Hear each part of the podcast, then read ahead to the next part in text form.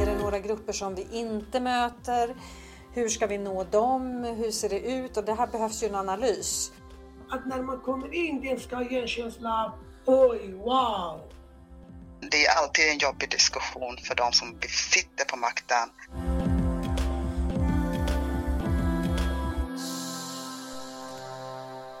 Hej! Hoppas du har det bra där du är. Det här är avsnitt 5 i RFSUs poddserie inför att vi tillsammans ska besluta om vårt nya idéprogram på kongressen nästa år. Avsnittet heter Vilka kroppar räknas? Jag heter Charlotte Rugge, jag är barnmorska och bor i Halmstad och sitter just nu i RFSUs förbundsstyrelse. Och innan dess var jag ordförande i RFSU Halland. En fråga jag brinner för, som förde mig till RFSU, är en fråga som också är viktig för en väldigt, väldigt stor andel av världens befolkning. Nämligen ett aktivt arbete mot mödradödlighet. Det har gått framåt i många länder de senaste åren, men inte i alla länder och det går alldeles för långsamt. Vi behöver vara många som kräver förändring tillsammans vilket innebär fler barnmorskor, säkra och lagliga aborter, trygg förlossningsvård, preventivmedel och sexualundervisning för alla. Det är ganska lätt att inse att när unga, gravida och födande personer dör så drabbas väldigt många runt omkring. Eller hur? Att få uppleva en säker graviditet borde vara prioriterat oavsett vem du är. Eller hur? Men som vi vet är det en fråga om makt och privilegier. Om en applicerar den enklaste av maktanalyser på mödradödlighet så upptäcker en snabbt att risken för dig att dö ökar om du inte haft förutsättningarna till utbildning, om du råkat födas fattig eller tillhör en minoritet i landet där du bor och så vidare. Därför tycker jag det är viktigt att vi inom RFSU diskuterar makt med kunskap och ett öppet sinne. För varför ska sannolikheten att överleva en graviditet och en förlossning vara olika beroende på i vilket sammanhang du har råkat födas? RFSU startade sin egen klinik redan på 30-talet och har alltid varit en pionjär inom praktiskt SRHR-arbete i Sverige. Kliniken har banat vägen inom många olika områden ett exempel är att de redan på 70-talet samordnade provtagning av sexuellt överförda infektioner, eller könssjukdomar som det också kallas, med preventivmedelsrådgivning. Då var vi först i Sverige och nu görs det så överallt, till exempel på ungdomsmottagningen där jag arbetar. Kliniken står nu inför en nystart av sig själv och ska flytta till nya lokaler tillsammans med kansliet och RFSU Stockholm. Precis som att vi inom RFSU ska ta ett nytt idéprogram och uppdatera vår ideologiska adress för att passa i framtiden så ska vår klinik hitta en ny form. En ny kostym som precis som föreningen ska matcha med morgondagen. Hur ser RFSUs klinik själva på det här? Du hör Anna Sundell, Katarina Lundgren Id och Salar Shalmashi som alla jobbar på RFSU-kliniken i Stockholm.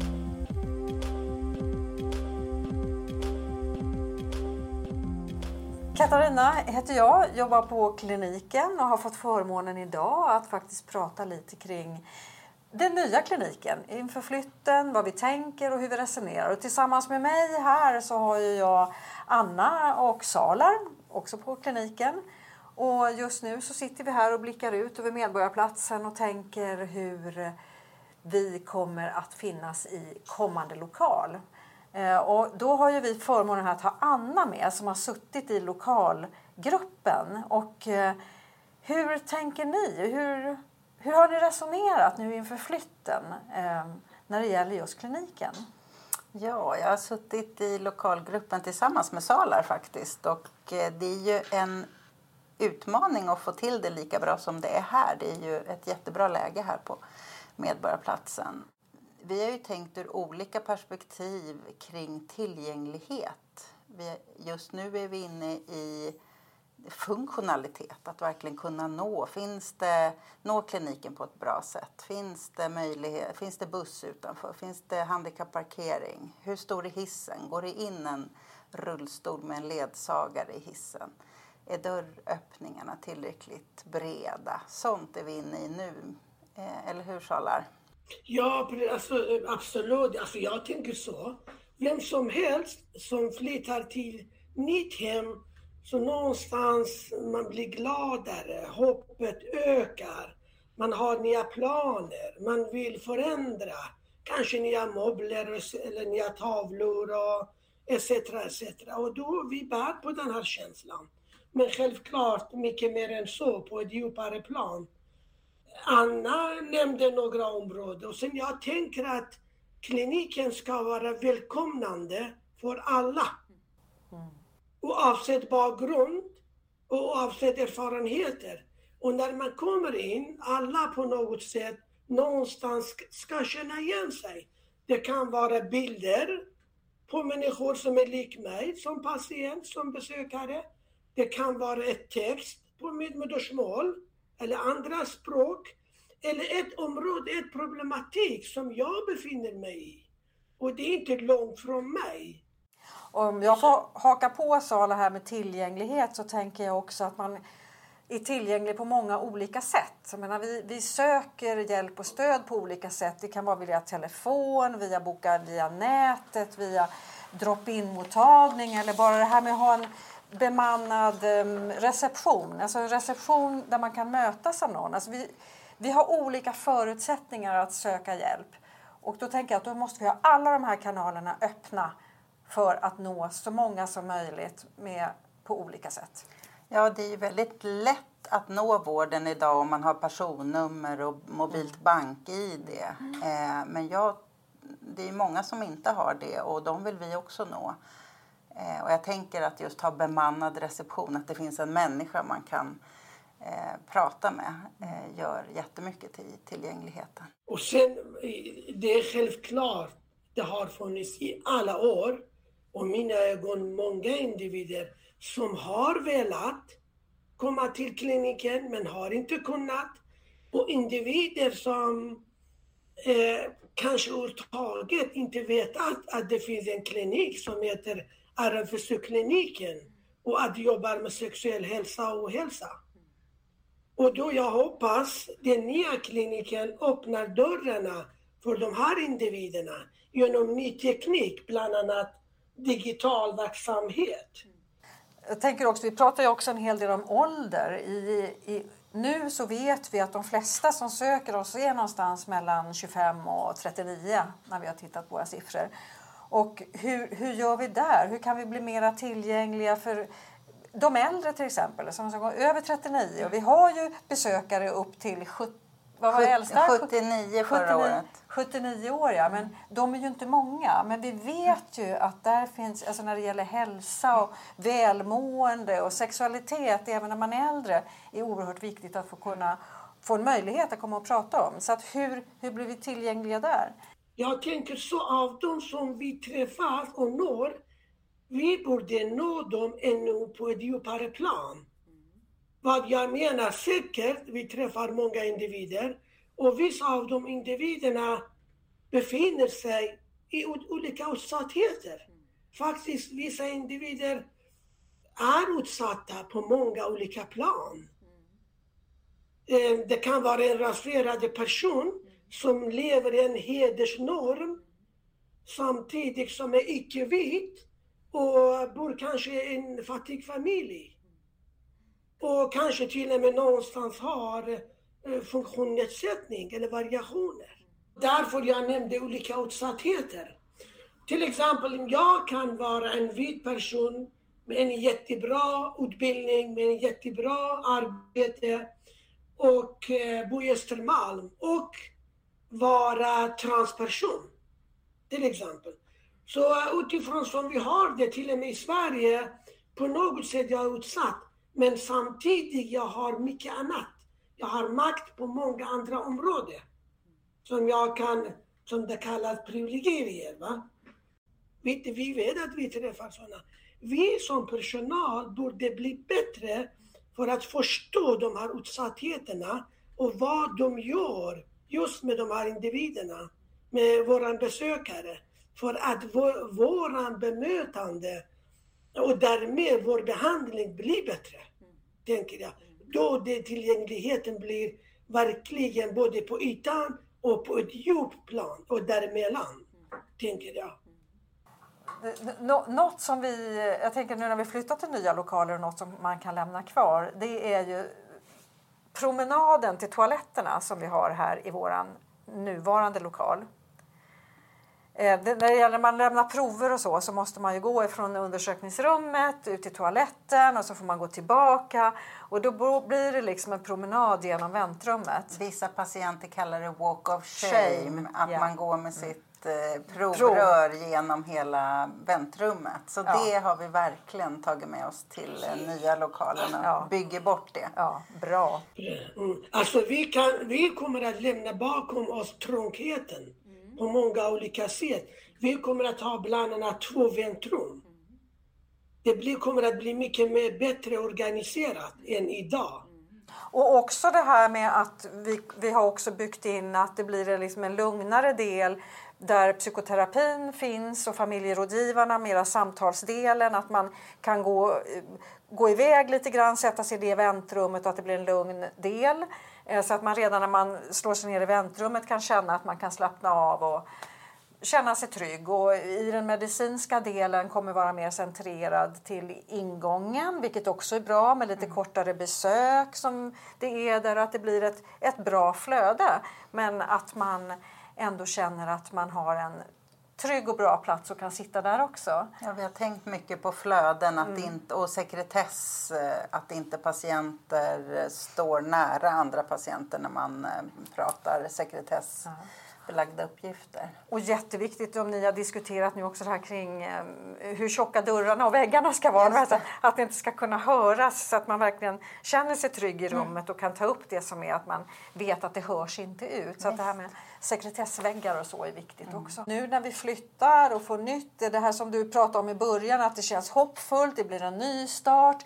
Vi känner oss glada och kraftfulla och kan liksom sätta tänderna i de här sakerna som kanske vi har fått försaka när vi har haft ett högt tryck och liksom tvingats kring våra ekonomiska system och pinna på. Liksom. Att vi kan ta med oss det som vi har längtat efter, att börja analysera och titta och se och hur vi kan få in det i vardagen och utveckla oss. Det tycker jag blir spännande. Och då hjälper det ju till att vi är på samma plats, ett RFSU, att vi har lokal på samma plats som RFSU Stockholm och kansliet, tänker jag. Alltså apropå den här frågan mer korrekt. Det är så alltså vi jobbar mycket med processer. Låt mig säga så. Vi personal, vi behöver till exempel ökade, öka vår kunskap om olika utsattheter. Bland annat om rasism och antirasism. Och sånt självklart vi har med oss här på vår gamla klinik. Men vi tar med oss det vi kan och vi kommer att öka den kunskapen och inte bara kring rasism utan andra utsattheter som många grupper på olika sätt upplever. Till exempel hedersrelaterade våld och förtryck. Eller en kvinna som är utsatt för, för våld av sin närmaste, det vill säga partner som är en man hemma. Så det, och där, vi är alltid i processer. Vi vill alltid bli bättre och ha det, typ nå de senaste forskning kring de här områdena. Och så. Och så självklart man önskar sig att personalen på kliniken speglar samhället. Det behöver inte på något sätt och så mer än idag. Och analysera och Ja. få, få, ja, det är det du är inne på, men liksom få mera kunskap om vad vi egentligen ser och beträffar och det här som vi ofta pratar om. Är det några grupper som vi inte möter? Hur ska vi nå dem? Hur ser det ut? Och det här behövs ju en analys eh, som vi ska jobba vidare med. Du som har jobbat längre än, än oss Sala, vad, vad ser du för grupper som vi kanske missar eller som inte vi når här på kliniken? Ja, alltså jag tänker både grupper och både utsatthet i allmänhet. Jag tror till exempel den här med, vi borde fördjupa oss ännu mer i antirasism. Till exempel rasism i arbetslivet, i vardagsrasism till exempel, som eh, typ eh, kan innefatta massor av individer och människor som vi träffar och oss själva. Och sen det finns specifika grupper, dels de kan vara mer utsatta på olika sätt eller utifrån an, andra anledningar eh, har inte, vi har inte lyckats nå dem eller de har inte lyckats nå oss. Till exempel, jag tänker på kvinnor med migrationsbakgrund, mm. ofta medelålders kvinnor Eh, som eh, ofta bor i förorterna, utsatta orter som förorter som man nämner. Eh, det kan vara så. Jag skulle önska att vi hade mer också killar och män som också som bor i förorterna på kliniken. Vi har massor av individer som inte är födda i Sverige eller deras föräldrar som är födda i Sverige. Men de är ofta individer som har utbildat sig, de kan stan och så vidare. Så det är de två grupperna som i första hand jag tänker på. Mm, jag tänker att här kommer ju vi att jobba vidare på just, just det här som du säger, så här, hur kan vi nå de här grupperna på ett bättre mm. sätt då? Ska vi eh, ha ja. mottagningar ute på plats någon annanstans? Som du sa, småmottagningar runt om i förorter i Stockholm? Precis. Eller är det så att man hellre vill komma in till stan? Alltså det här är sånt att vara som vi måste, anonym. Att vara anonym. Ja, precis, precis. Nej, men jag tänkte på våran sextant och den stora visionen. Den som upprepas, man säger vi, vi, vi vill nå fler i samhället, RFSU vill det. Och bredare. Och då, bred, det vill vi. Fler och, och bredare. De, och de säger tillsammans med andra. De, den också kommer i våran sextant-projekt, va? process. Mm. Och precis som du var inne, det finns mottagningar som delvis jobbar, möter sexuell hälsa med sina kunder eh, som just de här grupperna som vi inte träffar. En sån nära samarbete och de här mottagningarna, det kan vara en läkarmottagning, barnmorskemottagning, en eh, psykoterapimottagning som finns i förorterna eller i stan men som har de här grupperna som kunder. Mm. En närmare samarbete med dem mm.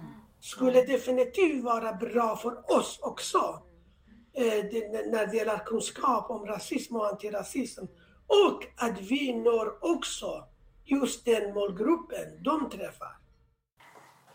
Ja, jag tror att vi alla kommer, när vi kommer vara tillsammans och alla våra pusselbitar kommer att läggas ihop så kommer vi att nå den, här, den visionen som vi har, en värld där alla är fria att bestämma över sin kropp och sin sexualitet. Det kommer vi komma bra mycket närmare i den nya lokalen. Eh, nej, men jag ser fram emot att få en lokal som är tillgänglig ur alla aspekter.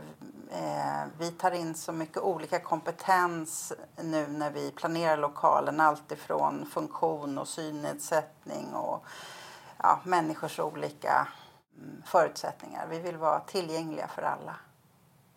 Jag hoppas både när jag kommer in och eh, våra kunder, våra besökare man ska uppleva mer än idag ett upplevelse som är, bär på glädje, som är positiv, som är, ger hopp kring sexualitet.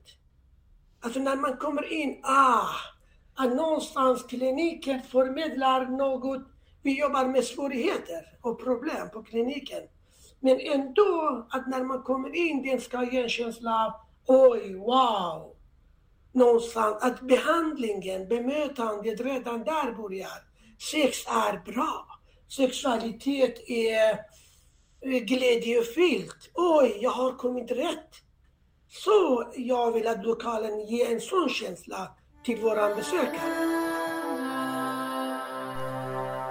Det ska bli väldigt spännande att få besöka den nya kliniken när den öppnar med sin bemannade reception som välkomnar alla besökare utifrån deras egna förutsättningar. Det känns fint att höra hur genomtänkt och inkluderande planeringen av lokalerna och inredningen är. Till exempel vilka bilder som ska få komma upp på väggarna. De olika väntrummen som inger lugn och ett bra flöde samt säkerställd sekretess vid samtliga besök. Det här är exempel som spelar roll när det kommer till att ge enskilda besökare en trygghet att tala om sin sexualitet och sin situation. Om du har tankar på hur den fysiska miljön kan bli ännu mer inkluderande tycker jag att du ska passa på att gå in på hemsidan och lämna dina synpunkter. En särskilt prioriterad fråga inom RFSU är det som Sala tog upp. Hur ska förbundet arbeta mot strukturell rasism och mot vithetsnormen? Vi ska nu lyssna på Alexis McGill från Planned Parenthood USA och Victoria Cavesa från Afrosvenskarnas riksorganisation som ska berätta mer om de här begreppen. As the dual crises of violent racism and coronavirus rage on, this administration is relentless in its attacks against bodily autonomy, not just against reproductive freedom, but also against Black people through police brutality, through the detention of immigrants, and the callous policy of family separation. Foreign policies like the Helms Amendment and the Global Gag Rule extend these efforts beyond U.S. borders by further regulating and controlling Black and Brown bodies across the globe. For Black people, there is no real reproductive freedom unless we have the freedom to live without fear of prosecution. Full bodily autonomy is the ability to make personal decisions about one's body without judgment and the freedom to live without your livelihood being policed. This applies no matter who you are or where you live. Black women can and should be able to make their own decisions about their health. At Planned Parenthood and Planned Parenthood Global, we trust and we stand with Black women. Black people around the world have first to prove that they are human before they can even begin looking for justice, before they can be free, before they can be seen. It's our job to see them in our health centers, in the streets, at the polls, and as leaders in our movement. But this work doesn't just mean standing in the right place externally, it's also a time to look inward. We need to acknowledge that we are part of the problem and examine how white supremacy continues at Planned Parenthood. We cannot address structural racism or white supremacy in the US or anywhere else in the world without addressing our own. What I'm saying is, this fight is our fight. The questions at the heart of our movements are the same. Are our bodies our own? Are they seen? Are they loved? Are they celebrated? That's our mission. This fight is our fight, and we only win when we fight together. As a member of the International Planned Parenthood Federation, we commit ourselves and call on others to help amplify nationally led movements fighting for racial equality. And we encourage all members, especially those based in the US and Europe, to join us in doing the work, the real internal work to dismantle white supremacy. Thank you for standing with us at this moment. Victoria Cavesa, sekreterare i Afrosvenskarnas riksorganisation. Ja, jag tycker det var ett väldigt bra, det var ett väldigt bra perspektiv hon lyfte fram. Just det här att eh, hon lyfte fram hur eh, svarta människors eh, mänsklighet undervärderas och att man får inte det skydd man behöver eller den vård man behöver eller det stöd man behöver just på grund av att det existerar någonting som kallas för white supremacy. Och det är då om man ska översätta det till en svensk kontext så kan man ju prata om vit normativitet. Sverige är ju ett eh, väldigt vitt land om man säger så. Eh, den strukturella rasismen i Sverige bygger på en underförstådd idé om att det är vita svenska kroppar som utgör normen och alla andra eh, icke-vita, icke-västerländska kroppar de är någon typ av undantag eh, och de undervärderas på olika sätt. Och det är det som den strukturella rasismen bygger väldigt mycket på och diskrimineringen bygger på. Jag kan ju ta upp lite exempel just nu att till exempel sjukvården så finns det mycket som behöver göras. Eh, man har sett att ibland så ställer man diagnoser utifrån då den vita kroppen som standard. Alltså att den vita kroppen är normen eh, för hur man ställer diagnoser. Man pratar till exempel om att folk rodnar, att man hör någon, eh, alltså röda utslag på kroppar. Men svarta kroppar rodnar ju inte på samma sätt som vita kroppar. Eh, och eh, oftast så missar man eh, diagnoser eller man får fel diagnos på grund av att man eh, utgår från hur vita kroppar eh, reagerar. Ehm, och eh, till exempel, man kan ta bara en enkel sak som att man pratar om hudfärgade plåster. Man menar då att det som är hudfärgat är då vitt hudfärg. Eh, och där det finns eh, en idé om att det är då den vita kroppen återigen som är standard. Och jag kan ju bara berätta eh, kort om min egen erfarenhet från när jag skulle eh, gå på BBC med, mitt, eh, med min, mitt barn.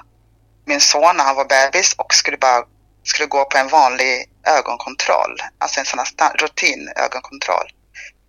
Eh, och eh, personalen där sa att de inte kunde göra något ögontest på honom för att hans ögon var för mörka. Eh, vi fick åka in till eh, Sankt Görans sjukhus.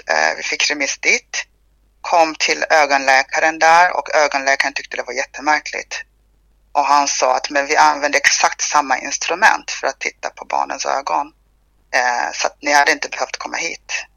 Det som man är med om hela tiden det är att man eh, som svart person eller om man inte vet att man hela tiden måste kämpa extra mycket för att få den hjälp och det stöd och den vård man behöver.